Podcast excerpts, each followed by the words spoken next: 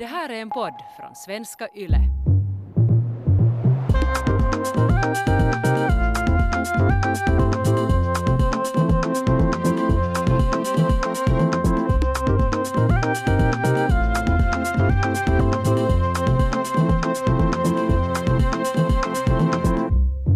Välkommen till Sällskapet, en kulturpodd med samhällsperspektiv.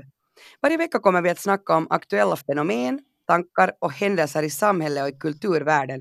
Sällskapet består av mig, Kie Svetihin, och så har jag med åtta kulturpersonligheter som roterar varje vecka.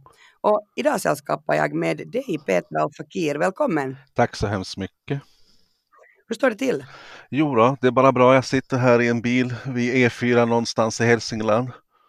Hoppas det inte hörs för mycket från motorvägen, men, men det är nog bra. Vad spännande. Du har en mycket mer spännande eh, omgivning än jag. Jag sitter inne i en sån här edit-copy, ett edit-rum. Men, men hör du, vad ska du prata om idag? Jag tänkte prata om mobiltelefonerna och hur mycket vi har blivit beroende av dem. Okej, då måste jag gärna sätta bort min telefon så jag sitter här och Mm. hipplar på. Uh, hörde jag det där, eh, jag ska prata om, eh, om incels. Ja, Eh, och, och jag tänker lite sådär att, att, att vad, är en incel och, och det där, det jag tycker kanske är intressantast med dem är att de har så extrema skönhetskrav, den här grupperingen, eh, på sig själva. Och, och det där, och så undrar jag också att, att eh, vad är man då om man är en kvinnlig incel, är man en nucka? Eh, du är alltså svensk, du är i Sverige, det är därför du inte är här med mig i Finland. Som svensk är jag portad. Vi är ju persona Men du- non grata nu i hela, hela Europa. Det är ingen jävel som vill ha svenskar längre. Alla hatar oss. Nej men, men alltså jag hatar det väl kanske fel ord, vi är väl rädda för er. Ja, precis. Ja, vi är pest, pestbesmittade här. Vem är du, Peter Alfakir? Jo, men jag, jag är journalist och, och reporter. Fast egentligen så är jag ju inte... Eh, jag brinner ju inte för journalistiken. Så jag, så jag, jag är mer en ofrivillig journalist om någonting. Och på något sätt så tänker jag att det kanske är därför jag också är en ganska bra journalist. Jag har, jag har liksom inte det här kallet. För att vissa yrken är ju så att man ska ha ett kall, till exempel man är polis eller läkare eller någonting, även advokat. Man, man drivs av en inre vilja att göra någonting, förbättra världen och så vidare. Jag vet inte riktigt om jag har en sån uttalad känsla att jag, att jag vill förändra världen med, min, med mitt skrivande, min journalistik. Eller så är jag bara så, så liksom, ehm, inte ödmjuk men kanske distanserad i mig själv, att jag tror inte att det gör, man gör så mycket skillnad egentligen när man skriver någonting. Men, men Peter, vad skulle du vilja, vad är din passion i livet då? Ja, just nu drömmer jag mest om att pensionera mig. Eh, jag vill bara sluta arbeta. Jag, jag vill liksom bara bort eh, från, från allting. Utan jag har så otroligt mycket andra intressen och, och saker som jag vill pyssla med som inte handlar om, eh, om vardags, vardagslunk och, och tjäna pengar. Uh, va, berätta något, något, vad är ditt största intresse just nu? Eh, Just nu, alltså det, det är otroligt smala intressen. Jag, jag sitter just nu och tittar på hur man kopplar in solceller till sin husbil. Jag har ingen husbil eh, och jag har liksom, men det är just det som jag eh, pysslar med. Hur man räknar volt, hur man räknar dagsförbrukning i ampere-timmar, hur man kopplar igenom sladdarna genom husbilskroppen. Det, Alltså jag menar inte att, att dissa dig, men alltså, Nej. va, varför gör du det om, Ja. om du inte liksom ändå har någon nytta jag av tror det? att det finns någon diagnos i det hela. Okej. Men, men eh, jag, jag, pratar vi om något annat. Ja, jag har, jag har väldigt snäva, väldigt snäva intressen som jag snöar in mig på. Men hej, jag måste ändå fråga en sak. Ja. Eh, alltså där, du, nu, nu finns säkert många som inte har den här referensen, men jag kommer ihåg första gången jag hörde om dig så tänkte jag bara på Salem Al Fakir. Ja, just det. Ja, hur, hur, vad, är ditt, vad är ditt förhållande? Det är din kusin? va? Det är min ditt kusin, ja. Jo, och han, han, han liksom dök upp någon gång 2005 så, där, så började det snackas om Salem Al Fakir och sen så, så var han med i Melodifestivalen och fick en massa hits ungefär 2007 och då började då blev det som en, liksom en vändning av en natt. Jaha, Al Fakir, Al Fakir, du är kusin med, med eller du är släkt med Salem Al Fakir. Och så bara, ja, jo, det, det, så är det då. Men, men för att hela min uppväxt annars så har ju, har ju Al-Fakir och har ett sånt arabiskt namn varit någonting negativt. Man är, man är svartskallig, så man har fått höra skämtet på varenda gång jag gått på posten. Så, ah, heter du Al-Fakir? Sitter du på spikar? Och så, så då tror de att det är liksom första gången man hör den, den, mm. det skämtet. Men sen så väntade mm. då med Salem och det var, det var det som var så så bisarrt för mig att, att nu blev det någonting fint. Det var liksom eh, någonting att, att han, han tillhörde på något sätt eh, för, för, alla tycker att han är så fantastisk, han är musikaliskt underbar och sådär. Så hans namn på något sätt smittades av på mig som inte hade det där. Och det, var, det var också därför jag gjorde den här dokumentärfilmen som heter just Kusin Al-Fakir för att jag hela tiden får berätta att jag är kusin med honom. Att ah, ja, han, han, han är talangfull, ja han är fantastisk, han är jätteduktig musiker, ja visst, ja, han är liksom perfekt på alla sätt, han verkar så trevlig och, och mysig och söt och alltihopa. Men att ja, jag heter också Al-Fakir, men jag är inte lika mysig och trevlig och, och talangfull som min kusin, men jag, jag finns också, jag existerar. Det, det, är helt som, vet du det där, vårt, vår, alltså före coronan så var ju vårt förhållande till Sverige ungefär det där att Sverige var Salem Al Fakir och Finland var Peter Al Fakir. Tror du det? ja. nu, är nu är rollen använda, så kanske ja. det, det, kommer att gå så för dig också. Precis, ja vi får se. Ja, jag börjar tänka det att för att uh, är man, rock, eller är man popstjärna så, så stiger man ju som en sol och så faller man som en stjärna. Det går ju snabbt liksom. Nu, är han, nu har han varit långvarig, han har ju fortsatt sin fantastiska karriär och skriver låtar för Avicii och Swedish House Mafia, vad, vad fan han skriver för. Jo, Madonna också han skriver, så han, han försvinner ju inte heller, jag bara väntar på att han ska försvinna. Det... Vä vänta bara, mm, det kommer att ske ja. en, en förskjutning här. Vi får se. Um, vilket verk har påverkat dig mest? Jag tänker kanske nu så här på din professionella roll vilket verk? Du menar som, som konstverk eller? Mm. Uh, vad det gäller journalistiken så uh, var jag väldigt på, påverkad av uh, Egon Irvin Kirsch, eller hur han nu uttalas, som, som skriver en slags litterär journalistik, literary journalism som, som jag tror också Tom Wolfe, Martha, vad heter hon? Martha Gellhorn Eh, Ernest Hemingway. Den typen av journalistik var jag i början väldigt eh, inspirerad av. Att man, att man inte bara... Att det, att det finns litterära kvaliteter som höjer texten på något sätt. Eh, men annars så, så, har jag varit väldigt påverkad av författare som, som Jean Genet och, och Charles Bukowski. Som mer det här subversiva, det, man gör det fula det perversa, det obehagliga till någonting vackert och eftersträvansvärt. Ehm, så var det tidigare, men, men, man utvecklas ju också. Jag tror att alla människor har en sån Charles Bukowski-fas, eller alla män, unga män har en sån Bukowski-fas tidigt i sitt liv. Och jag tror att i Finland kanske man har en Pentti Sarikoski-period om man är ung. ung det kan liksom, hända. Litterär, intresserad man. Uh, vilka är dina tre njutningsmedel? Ja, jag gillar, jag gillar att, att röka finsk... Nej, jag gillar att röka cigariller. Gör jag. Det gör jag. Ibland. Men jag röker inte annars. Jag har liksom inga sådana såna vanor. För, förutom kanelbullar och mobiltelefonen då, så, så har jag Mobil, inga missbruk. Mobiltelefon, kanelbullar och cigariller? Mm, kan man säga. Vet du vad, vad det var för dag i måndags? Det var en speciell... Första juni? Ja, precis. Men det är inte bara första juni, det är en speciell dag också.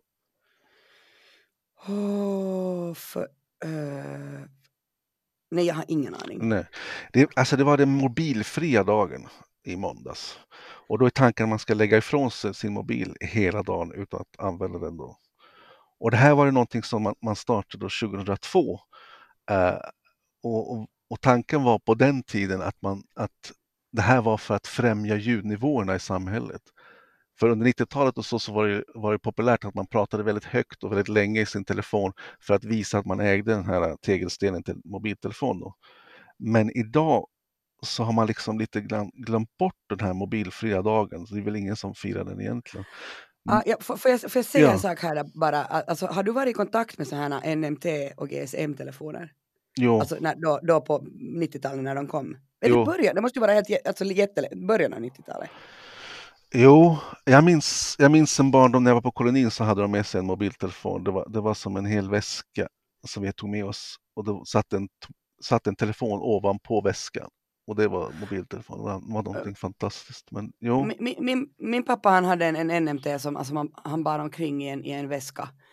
Och, och, och, sen hade liksom min guffar som är fiskare på Pörtö, jag kommer från skärgården och det där, där så, så då, han bar också omkring på en NMT i en väska och sen så tävlade de om vilken, vilken alltså sådär, vet du, sådär gubbtävla eller man, mantävla för det här är ju alltså när jag var kanske 11 år gammal så, så, det där, så gick de alltid omkring så här, vem hade större väska? Och de, det var alltså helt så här på allvar, det var inte så, så här ironiskt tävlande utan det var så där på riktigt, titta så stor väska jag har. Men kanske det är ännu också som med mobiltelefonen att det, ju större desto bättre.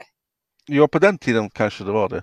Och sen så blev det ju, ju mindre desto bättre. Sen så blev det ju absurt när man hade så liten telefon så det gick inte att använda och sen så har den börjat växa igen och så får de här stora skärmarna och sen så växte det ännu mer tills liksom skärmarna var stora som iPads Så någonstans har man förstått att en telefon ändå ska sitta i handen och då kanske också skärmens storlek ska vara anpassad till den mänskliga handen. Jag tillbringar mer tid med min telefon än vad jag gör med någon släkting, med några vänner. Med, nu har jag ingen flickvän, men även med min son, jag, jag tillbringar mer tid med min mobiltelefon än vad jag gör med min son. Jag har den dygnet runt, den är på, den är på hela tiden. Det, det blippar, det plingar, det, det har liksom, den uh, påkallar min uppmärksamhet hela tiden. Så att, att i förhållandet som jag kan tycka att, att, att det finns en beroendeförhållande som sonen har, det beroendeförhållande har jag också jämfört med hur jag liksom på något sätt då Eh, förhåller mig till, till mobiltelefonen. Och sen så men, kan man ju säga, ja.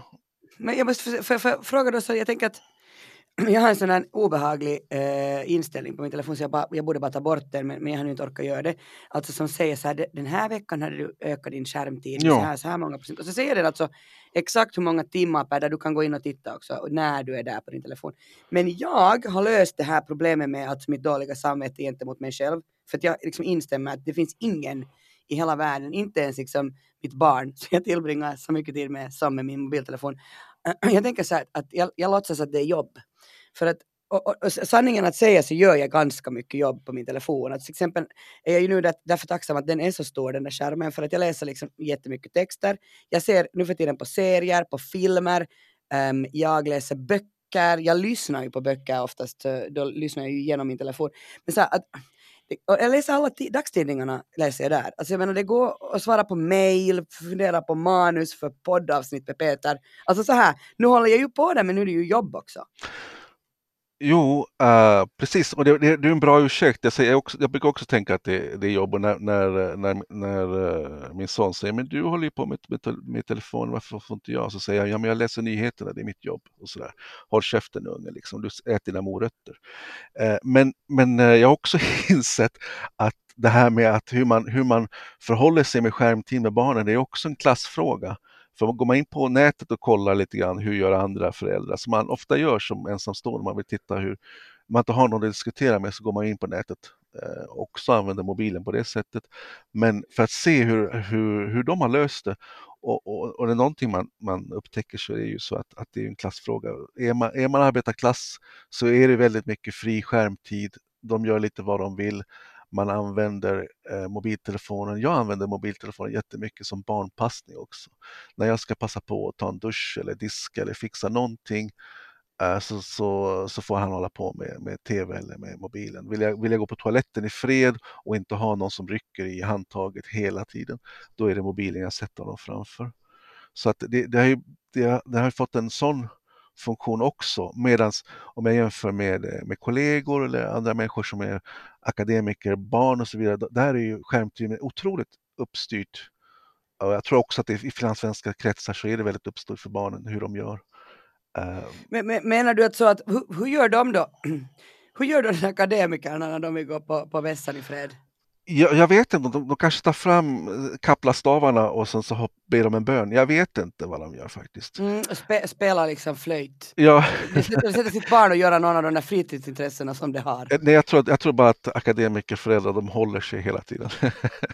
de, är, de är ständigt konstiperade. Men, men det är också det är också så som, som jag själv lever mitt liv. För jag har ju inte funderat någonsin att nu måste jag begränsa min skärmtid. Det är inte, det är inte det, är inte, det här är skadligt för mig själv. Utan det är när, först när jag kan liksom eh, förhålla mig till det hur min, min son mår. Han, han blir vresig, han mår inte bra. Han tänker hela tiden på skärmen, han tänker hela tiden på Minecraft, hur han ska göra. Eh, det är först då jag kan se att, att även jag själv har ett problem. För att, jag vet inte om du också har gjort så att om du eh, letar efter, om du du har inte tittat på telefonen på ett tag, det kommer den här smygande känslan, precis som en, att man är hungrig eller någonting, eller man vill ta en cigg, man vill titta på telefonen, har jag missat någonting? Och så hittar du inte telefonen på en gång. Visst är det så att man känner, man känner något form av, av uh, att man blir sur och irriterad och frustrerad när man inte kan hitta telefonen? Och det, det tycker jag, eh, för min del... Det är ett missbruk. Ja, liksom. det, det, blir, det, blir, det blir ett missbruk helt enkelt. Och varje gång Uh, det kommer ett pling på telefonen så, så, liksom, så rycks det upp är det du gör och måste titta. Står jag diskar så, så, så trycker jag på telefonen med diskhandskarna det blir blött på telefonen. För jag kan inte vänta tills jag diskar klart för att titta på vad det fan det är.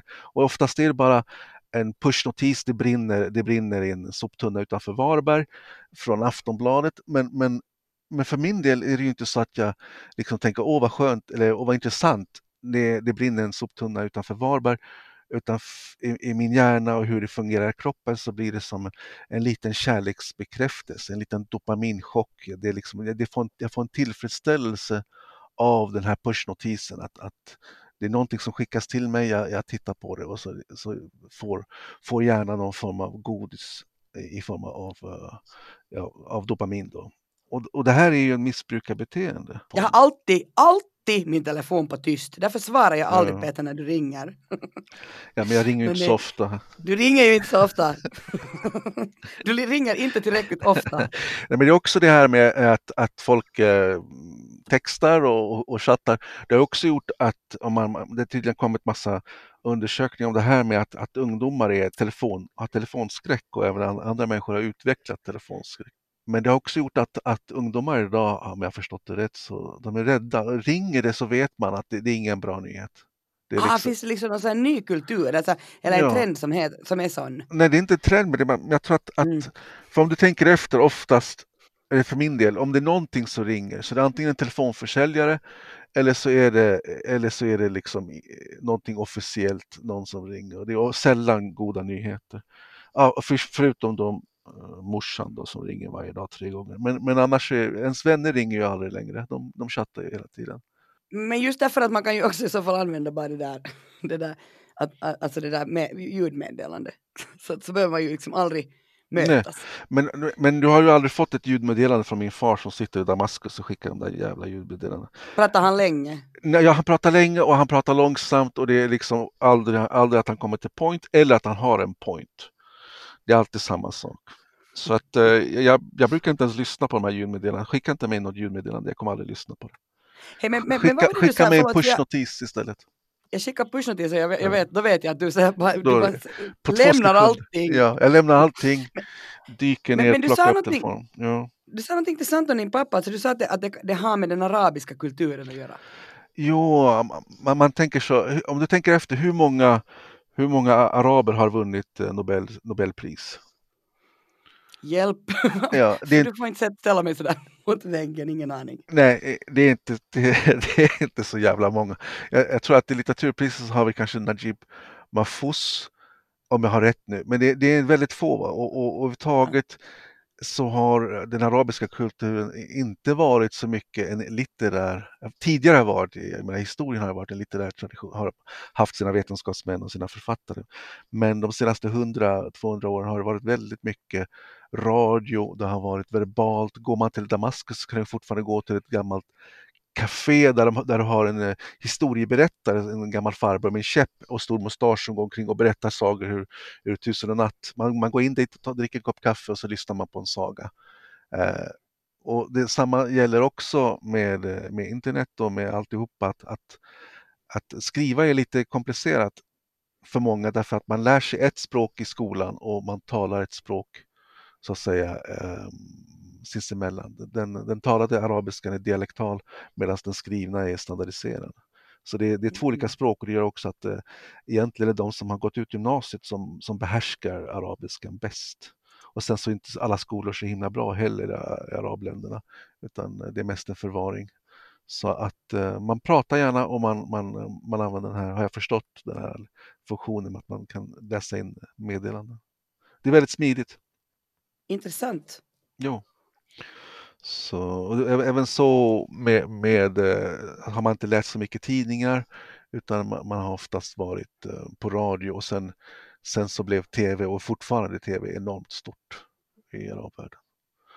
Och nu så har jag, har jag liksom min far som är, är otroligt aktiv på, på Facebook. Där skriver han ju i, i och för sig, men det, det är en annan sorts sätt. Det passar honom. Jag tror att det passar den kulturen också, vara väldigt aktiv. För att man, Eh, jag tror också att, att eh, Facebook som min far har, har liksom reagerat på, han är också mobil, mobilberoende, absolut 100% mobilberoende. Han, han har liksom också upptäckt att han kan ju vad han inte kan göra på, på gatorna i Damaskus är att slå upp en konversation spontant med en kvinna. Det går nästan inte alls, utan det är väldigt strikt. Kvinnorna har sin, sina, sina liksom områden eh, i samhället som ofta är hemmet och, och, och männen har sina. Och går man på kaféer och så, så är det väldigt sällan man ser kvinnor. Det är, ibland är det så. Men via Facebook och sociala medier så har han en direkt kontakt med alla de här eh, hemmafruarna, eh, de ensamstående, de, de singeltjejerna, äldre kvinnor, allihopa har ju en fri tillgång till sina mobiltelefoner. På så sätt har han liksom för första gången i sitt liv kunnat ha en, en konversation eller en, en ledig, ledig samvaro med arabiska kvinnor också. Och han har, han har ju massa olika grupper och forum och sådär som han styr och som också är väldigt mycket kvinnor då som engagerar sig i. De, de är Eh, de jag mötte där, släktingar och farbröders fruar, så de var ju väldigt frustrerade. Ofta var de mer utbildade än sina män, men de har liksom blivit förpassade till ett liv att föda barn och ta hand om hemmet.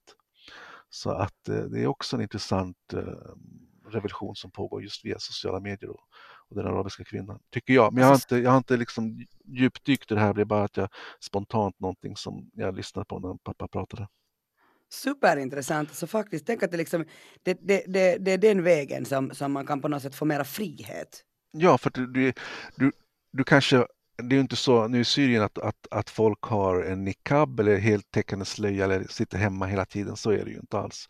Men man är friare på något sätt att uttrycka sig själv på, på sociala medier. Oftast har man ju kvar slöjan, sin hijab då, i, sitt, eh, i sin profilbild för att signalera vem man är som människa. Men sen så kan man vara väldigt fri i hur man chattar. Jag tror att det, jag tror att det är någonting som har växt fram här som skulle vara jätte, jättespännande att titta närmare på.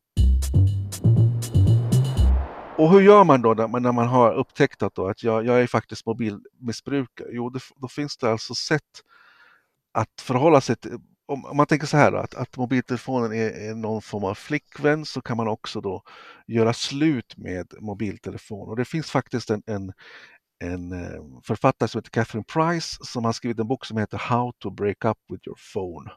Och i den så ger hon då fem tips hur man kan göra slut med sin mobiltelefon. Och då, jag vet inte om jag behöver dra, dra allihopa. Man ska välja perioder och platser som är mobilfria. Man ska ta kanske en halvtimme varje kväll. När man, när man går ut på promenad så ska man lämna mobiltelefonen hemma. Man ska sluta använda mobiltelefonen som en väckarklocka för det är också lätt när man vaknar på morgonen. Man, man stänger av alarmet och sen går man in direkt på telefonen och ser vad som har hänt. Och så som, kanske ska man göra då som KIA, man stänger av alla notiser och så slipper man det här ständiga plingandet för att det är som att vissa hjärnforskare har jämfört de här plingarna ungefär som en och, och mobiltelefon ungefär som en, en skål med lösgodis. Och har, du, har du en skål med godis, eller det heter Karki kanske på finlandssvenska, så är det så att du hela tiden tittar mot den och vill äta av den. Och det är samma sak med mobiltelefonen. Att man, man blir beroende av att få den här kicken från sociala medier och, och hjärnan blir beroende av dopamineffekten. Och hjärnan har väldigt svårt att styra den här, den här viljan att få kickar. Så då är ett sätt att stänga av notiserna. Och sen också eh, ger hon då slutligen ett till tips och det är att man sätter en slags äggklocka på hur mycket tid man får lägga på sociala medier. Och då är man inne lite grann på hur man också sköter sina egna barn. Oftast är det så att jag får en 20 minuter med Minecraft säger man till sina barn, men så sitter man själv hela kvällen uh, oavbrutet och bara slösurfa. Jag, jag är så att jag kan inte ens gå och lägga mig utan jag, jag liksom bara fortsätter, fortsätter, fortsätter, fortsätter, fortsätter sent, sent för att jag inte kan lägga från mig telefonen. Var det inte i år som det var så här årets mobil, eh, årets julklapp var en, en mobillåda? Jo, Till Sverige hade någon sån ja, grej. det är mm, enormt. Så det skulle vara något för dig.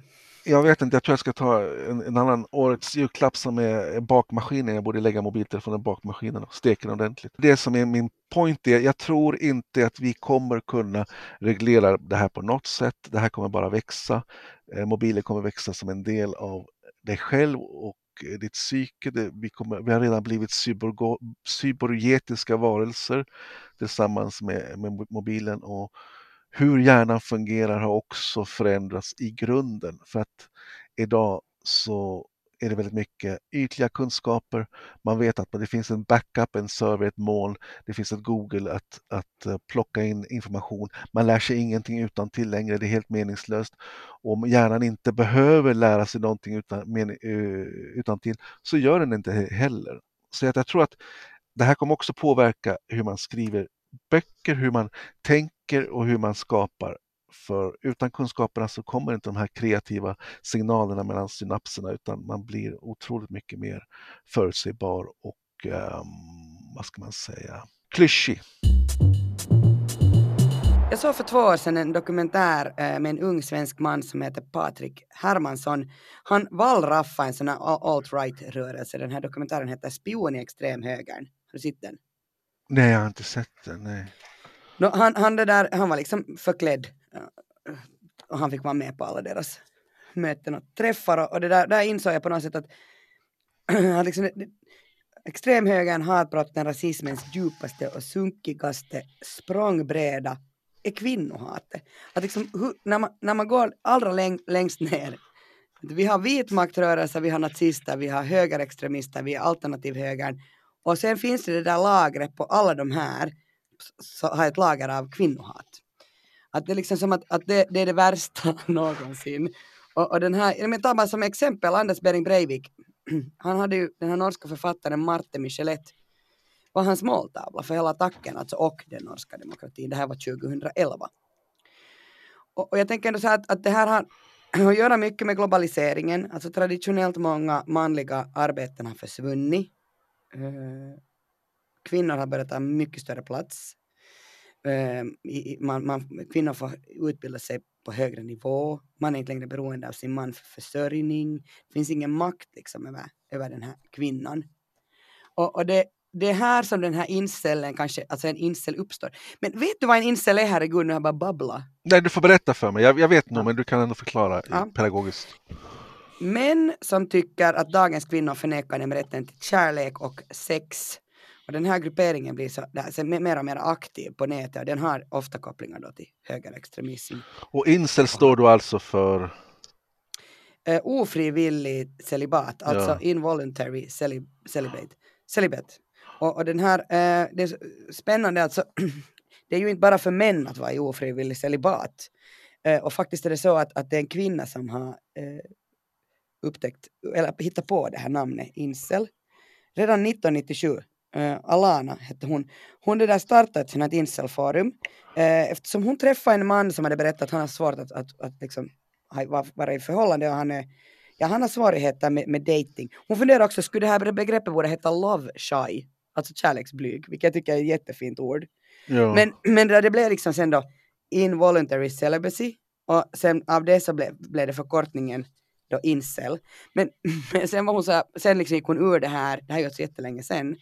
Och, och det där, idag är, är, hon ingen incel utan hon lever i ett förhållande. Men, men hon var så här, vad? Det var inte så här det skulle gå för att så det var ju en gruppering, liksom en incel-ideologi som uppstod som då präglas av sån e-, antifeminism och verkligt stark misogyni, misogyni misantropi, självhat, självömkan och allt det här influeras av rasism. Alltså jag tänker också att på ett visst plan Black Lives uh, Matters är liksom ständigt närvarande för det, det är ju en, en, en, rasism som vi pratar om. Um, men, men jag funderar, det finns ju ett ord på, för en incel på svenska. Har du hört om gampojkar? Jo, det har jag nog, men det, det pratar man mer kanske om i Norrland. Och, ja, och inte, det liksom... inte egentligen är det inte egentligen incels i den bemärkelse. Eh, Men gampojkar, det är de, de, de, det är de män som blev kvar när kvinnorna flyttade till, till stan i den här urbaniseringsprocessen som ofta är kvinnor som, som utbildar sig och försvinner vidare medan männen blivit kvar på orten och, och, in, och fortsätter med sina intressen som då är skoter och jakt. Men att man jag tänker också ja. men, ja, att, att de, de blir kvar på hemman liksom och ja. äga, de är hemmans ägare. Eh, men, men samtidigt visste de ju också ofrivilligt celibat. Jo, för det finns inga kvinnor kvar på orten och sen så oftast kanske de inte heller är så attraktiva för en modern kvinna eh, på det sättet. Och, och, det finns ju också i både Finland och Norge och i Sverige det här med den här gränsen över till, till Ryssland, att man, man hämtar hem kvinnor därifrån eller åker över till Ryssland för att besöka prostituerade. Men det är också, om du åker i Sverige nu så är det hemskt många av de här gam, gam-männen som har plockat hem en, en thailändsk kvinna. För det är också för, att, det, för, att, eh, för att det passar deras värderingar bättre. Alltså köper? Nej, inte köper, men man, man, man går in på forum eller man chattar med, med thailändska kvinnor eller öststatskvinnor och sen så reser man till Thailand, träffar dem och sen så, så mm. kommer man upp till någon form av överenskommelse då att hon får följa med till, till någonstans ute på vischan i Sverige och sen så får hon ett annat liv där. Jag vet inte. Mm gam, gampojkar, eh, eh, eh, jag menar nucka, en, ett, ett ord för kvinnor som, som ja men ungkarl, gampojke, eh, nucka. Jag vet inte, jag tycker nucka har mycket mer negativa eh, mm. vad heter, konnotationer i så fall. Ja, vi kommer till det. Ja. Vi, vi kommer till nuckan, men det där Um, det som jag funderar på med incels, bara för att alltså, göra den här lite enklare också, så här finns en, en, några termer jag vill att, att, att ni ska kunna. Uh, en Chad är en hög statusman som har mycket muskler och som är populär och har många sexuella förbindelser. Och man pratar ofta liksom inom den här ideologin, inom alltså incel-ideologin om Chads, att du är en Chad. Sen en Stacy, det är liksom då kvinnan som är en högstatuskvinna som är då feminin och populär och har många sexuella relationer. Och så pratar man liksom om betaman och det är liksom någonting som är det, det, det, det är liksom motsatsen till en Chad, alltså Chadden är en alfaman och sen en betaman är liksom, man säger till exempel att ah, män som, eh, som står för feminism, liksom, som säger sig vara feminister, de är betamän. Nå, jag lyssnade på ett, ett poddavsnitt av det här radiokorrespondenterna eh, och, och, det, där, det här avsnittet heter Inser högerextrema attacker och copycats. Och i det här eh, avsnittet eh, med Caroline Kärnen eh, Eh, så, så pratar hon om, om, att det finns en extrem utseendefixering när det kommer till till dessa incels. Alltså, uh, en, en incel eh, använder sig av en sån här 10 graders skala för att, för att bedöma utseende. Och, och 10 poäng ger man till en chad. Uh, men någon som kommer upp till poängnivå 1 till, till 4 ungefär, det är en incel. Alltså man är helt enkelt ful. Och, och, och en chad är snygg. Men alltså, det, det, är så konstigt för att det är ju, det är ju liksom, de här chads, de ser ut som modeller Uh, är extremt uh, noggrant hur man millimeter beskriver det där avståndet mellan ögonbrynen och de där ögonbrynen ska vara plockade och de ska vara snygga och, och du ska ha symmetriska ansiktsdrag. Givetvis ett ariskt utseende gör ju alltid att du får pluspoäng. Uh, och man vill liksom, alltså, det, det är ganska vanligt att incel-män gör sådana här mm, helt enkelt plastikingrepp, plastikkirurgi för att förändra sitt utseende. För att det, det är så mycket det är så mycket för incel-män fast i alltså, det yttre. Men, men jag tycker att när man läser sånt här så, så tänker man väl ändå att det här självhatet måste ju ändå vara större än kvinnohatet i dem. Ja, nej jag tror inte det. Visst, jag tror inte det finns ett självhat, kanske finns ett självförakt, men självföraktet bottnar i att man, man ser sig själv som svag och misslyckad. För att, för att eh, om man verkligen var självförakt på det sättet så skulle man inte heller tycka att man var värd att, som i värsta fallen av de här incels värld, att man, ska, att man uh, har fri tillgång till en kvinnlig kropp till exempel. Mm. Uh, jag, tror inte, jag tror inte det går ihop på det sättet. Men jag, jag, vet, jag har, jag har, nu när du säger det så kommer jag på att jag har ju kanske en vän som egentligen är en, en barndomsvän som kanske egentligen är en incel idag. För att vi, jag, jag pratar om honom ibland och sådär och då mycket av det han han snackar om i hans utseende. Han måste, han, han, han måste, han är misslyckad doktorand och sitter någonstans i Sverige eh, isolerad men allt han pratar om är att han måste skaffa sig muskler. Han pratar med mig om det kettlebells, eller den senaste bantningsmetoden. Han är i min, min ålder också. Och han tänker att jag måste skaffa mig ett långt hår. Jag ska ha en, eh, håret i en hästsvans för det, då kommer jag se farlig och spännande ut och då kommer kvinnorna då kommer kvinnorna springa. Då kommer jag springa bara jag får muskler i den här mm. hästsvansen mm. så kommer kvinnorna komma springande. Jag, jag, jag säger till honom att och han vill bara ha kvinnor som är 25 år och, och är skitsnygga då. Och helst ska de vara från öststat eller någonting sånt. Det ska inte vara svenska tjejer för de är förstörda av feminismen. Alltså det låter nog lite incel Ja, jag, jag, jag, har inte tänkt på honom mm. som incel men nu när du berättar så tänker jag att det mm. kanske är det. Men, men det lustiga är när, när jag sen säger till honom, men, men hörru du, eh, varför försöker du inte bara att eh, skaffa dig en trevligare personlighet? Du tror inte att det, eh, det, du tror inte att det där ligger liksom. Att eh, du skulle säkert kunna träffa en, en trevlig tjej om du bara vågade prata med dem och kanske vara lite trevlig mot dem. Inte så jävla tvär. Jag tror inte det hänger på musklerna. Så. Men jag vet inte, vad tror du? Alltså det är ju, det är ju nog det är ju kanske inte ändå det där äh, flickvännen i sig som är problemet med de här, de här äh, förtappade själarna. Jag tänk, det finns en, en dokumentär um, som jag helt nyligen såg som heter TVWNOGF.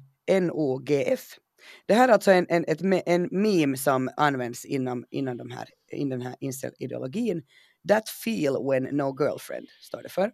Och den här dokumentären är helt ny, den är regi, re, eh, i regi av Alex Lee Moyer och det där, den, har, den har var ganska svår faktiskt att hitta. Den, det där, den är lite problematisk eh, på det sättet den har fått alltså ganska mycket skit och den, det var meningen att den skulle vara på olika streamingsajter men ingen har plockat upp den. Um, det är för att, för att den ger en väldigt uh, ensidig bild då av de här incel-pojkarna. Alltså det, den är onyanserad helt enkelt. Men jag tyckte mm, om den på det sättet att det liksom väldigt sällan man intervjuar, eller ger så mycket tid uh, och, och plats och rum åt uh, unga uh, unga män som får, eller de, det är ju alla i, eh, de i USA, och, och det där, helt enkelt berättar de om, om, om liksom hur, hur hemskt det är att, att inte ha en flickvän och, och hur de känner sig liksom ja, fula och onyttiga, de har ingen plats i, i, i världen. Liv Strömqvist och Ola Söderholm de diskuterade den här dockaren för några avsnitt sedan i podden Stormens utveckling och jag tycker att det är en jätteintressant eh, diskussion. Eh, Liv Strömqvist bland annat säger att, att den här hela incel ideologin, så det är ett tecken på att man är hypermodern. Alltså det är ett tecken på hypermodernitet. Eh, de är liksom, de är så på, eh, de, de vet precis vad de vill ha och de är liksom, eh, det, är på något sätt ju också, de, de ser ju det som att eftersom moderniteten och den här fria sexualiteten har frigjort kvinnorna, så betyder det att man måste nu för tiden ha kvinnans samtycke och, och, och, kvinnan får själv välja om, om kvinnan vill vara med den här mannen eller inte. Och, och det där, då, blir, då tycker oftast incels att det blir orättvist. Alltså att högstatusspelarna, chadserna, de får alla kvinnor. Och sen liksom blir alla andra, eller liksom vissa blir helt utan. Och den här, den här orättvisan är liksom ett tecken på den där hypermoderna tiden de lever i. Att vi vill också ha det som alla andra får på något sätt. Eh, men, men det som jag tycker var mest intressant är faktiskt vad Liv Strömquist säger om deras kläder. Alltså i den här dokumentären så är de så här superfashionista. Så det här tycker jag på något sätt hänger ihop med det här, deras utseendefixering. De, har, de är nu alla klädda förstås jättemycket så här. Ja, hur tror du att en incel, en typisk incel ser ut? Jag har ingen aning. Jag hade liksom föreställt mig dem kanske som i baggy clothes och med en hoodie. Det är så jag tänker ja. på dem. Precis, men jag tycker det är så snyggt. Svarta hoodies som det står så här typ Don't talk to me.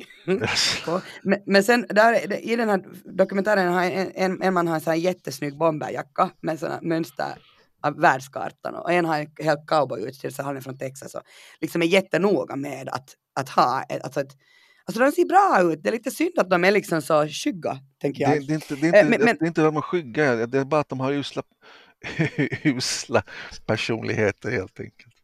Det, ja. jag, jag, tänker att, att det här hör samman också med det här, jag läste den här Neil Strauss bok The Game, spelet som kom för, jag vet inte, tiotal år sedan.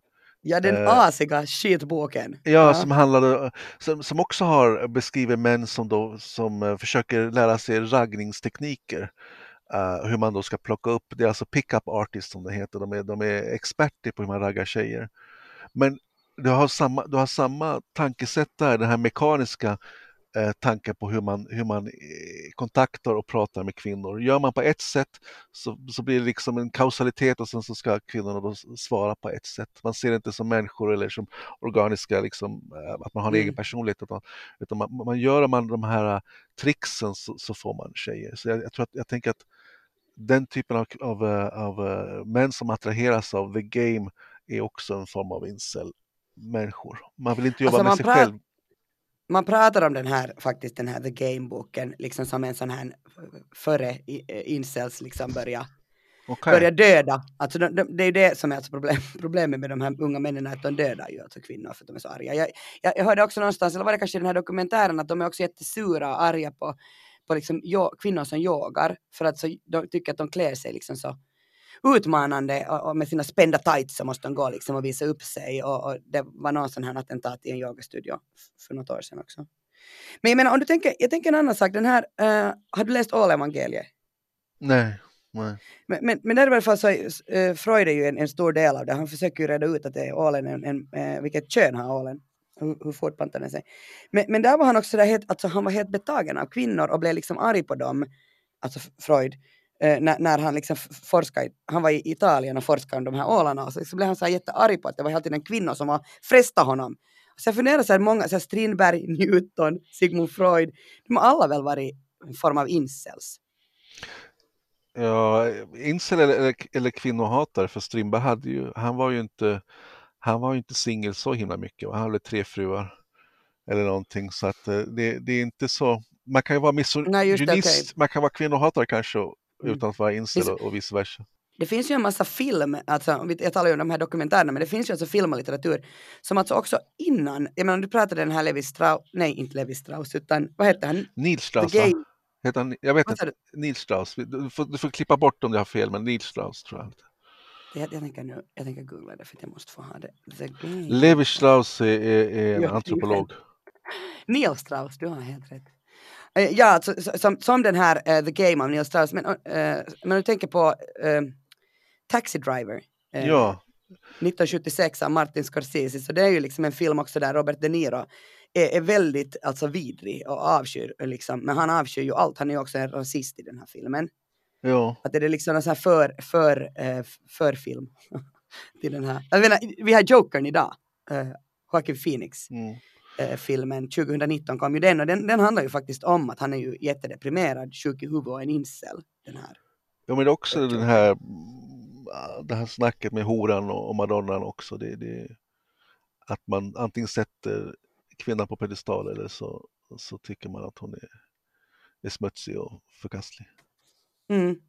Uh, men hör du, är det en film som jag ändå tänkte så här att, uh, kommer, kommer du, har du sett Fight Club? Jo. Ja. Eh, David Fincher eh, 1999 kom den filmen. Det var en av mina alltså absoluta favoriter eh, i kanske tio år och det där, jag vill inte ens se den på nytt nu. Jag tyckte att jag borde men, men jag, för, för, den här, för att vi skulle banda den här podden men jag bara, jag bara inte orkar titta på den. Kommer du alls ihåg att jag, jag kan kort bara berätta, så det handlar ju om kanske cyniskt konsumtionssamhälle. Eh, där, där det är en man som startar en sån här fight club där man liksom ska slåss mot, mot varandra. Och det där, han, de som, som är huvudrollerna i den här filmen är Edward Norton och Brad Pitt. Uh, och sen så visar det sig att uh, Edward Norton har hittat på den här Brad Pitt-rollen. Alltså Brad Pitt spelar Tyler Durden i den, här, i den här filmen. Och han finns inte på riktigt utan han är en sån här fantasihjälte i uh, Tyler Durdens eller i, i det, Edward Nortons huvud. Um, Råddar jag bort dig helt nu eller hänger du med? Jo, jag hänger med. Jag har ju sett filmen många gånger. Jag har sett filmen. Och, och, det där, och det är bara så intressant alltså, för att så, jag hittade ett klipp som är ett av de här faktiskt kändaste, mest kända klipperna. Det är när, när Edward Norton på något sätt börjar förstå att han har bara hittat på Brad Pitt. Brad Pitt finns inte på riktigt och, och det där, då säger uh, Brad Pitt så här. I don't understand. You were looking for a way to change your life. You could not do this on your own. All the ways you wish you could be, that's me. I look like you want to look, I fuck like you want to fuck, I am smart, capable, and most importantly, I'm free in all the ways that you are not. Oh no. Tyler's not here. Tyler went away. Tyler's gone. What? Här liksom inser då Edward Norton, att okej, jag hittar på den här människan. Men det jag tycker är så obehagligt är liksom att I look like you wanna look, I fuck like you wanna fuck. Alltså han har liksom skapat sådana, och du tänker på Brad Pitt, han är liksom sexsymbolen fortfarande i Once upon, a, uh, Once upon a time in Hollywood, alltså den filmen som kom för något, alltså ett år sedan, så är han ju också den där, fortfarande så spelar han den där liksom sexikonen, jättesnygga och också där är han snygg, tuff och våldsam. I Once upon a time antyds ju att han har skjutit ihjäl sin fru och i filmen så ska man tycka att det är roligt. Jag har läst äh, Malin jag Lindroth. Jag får bara flika in en grej med, med, med Brad Pitt där. Mm. För han spelar, hans genombrott var ju med, med Thelma Louise och som har blivit som en slags uh, feministikon. Och i den filmen som, om jag inte minns fel, så, så dödar de ju honom. Uh, så att där, där har du ju, där har du en, en kvinn, kvinnlig frigörelse, deras roadtrip som, som då slutar tragiskt. Men det är ju också handlar om, om att, att att befria sig från, från, från Brad Pitt. Det var bara ett passus, glöm det. Befria oss från Brad Pitt. Ja. Malin Lindroth har skrivit eh, boken Nuckan, eh, den kom för 2018, ett par år, år sedan, och där, jag pratade ju om det här nuckan redan i början, att det är alltså ett, ett fult ord, eh, det är som bög, liksom. att det var, det var ett fult ord, men hon har nu velat, vad heter det, reclaima det, hon skulle vilja ta tillbaka det och liksom och reappropriera hon det där är alltså en författare, kulturskribent eh, som efterhand upptäckte liksom att okej, okay, att jag fick ett liv utan partner, familj och barn. Och det här var inte det jag ville. Jag skulle vilja ha allt det här. Har du läst Nuckan? Nej, jag har inte läst Nuckan. Nej. Hon pratar ofta om, om, om, om uh, den tredje kvinnan, att det är hon som är den tredje kvinnan. Det är hon som är kompisen, assistenten, mecenaten, hjälpkvinnan. Och hon säger liksom att det är inte som att hon egentligen har valt den där rollen, utan hon, den har bara liksom landat på henne. Och jag tycker det är intressant också det här för att hon, hon är ju liksom då en, en incel. Men, men hon väljer att kalla sig Nucka. Och, och, och hon säger att det är som att, att när män eh, är utan sex så blir de alltså att se ut som potentiella våldtäktsmän. Alltså då, det finns en föreställning om att män inte kan leva utan sex och därför blir den här ensamma mannen alltid ett sexuellt hot medan den ensamma kvinnan som inte får sex eh, upplevs som frigid och jag tycker det är liksom otroligt intressant um, att på något sätt uh, det är liksom det är så olika. Alltså när en kvinna uh, upplever ofrivilligt celibatskap så på något sätt uh, vänder hon sig inåt. hon upplevs som frigid, hon, hon, hon tycker att hon skadar sig själv. Hon, hon säger själv den här Malin Lindroth att hon har varit 15 år i terapi hon, hon liksom mår inte bra, vänder sig inåt. Medan när en, en man, han vänder sig utåt. Han skyller liksom på alla andra utom sig själv och sen skadar han någon annan på grund av att han då inte fått sex. Att här är ju en stor skillnad nog att jag tänker att man kan väl inte vara egentligen då en kvinnlig incel utan man, man är en, en, en nucka. Jag vet inte, jag, jag, tror att, jag tror det finns massa män som har ett kvinnligt mönster där också, de som, är, eh, som lever i ofrivilligt celibater och inte får flickvän. Jag tror att väldigt många som vänder sig inåt och har självskadebeteende också och, och, och inte kanaliserar den frustrationen i någon form av våld. Eh, men däremot, mm. däremot tror jag att det, det, det, som du säger, det finns nästan inga kvinnor som, som blir våldsamma eller, eller vänder sin, sin frustration till ett hat mot män. Det, det där tror jag är skillnaden. Mm.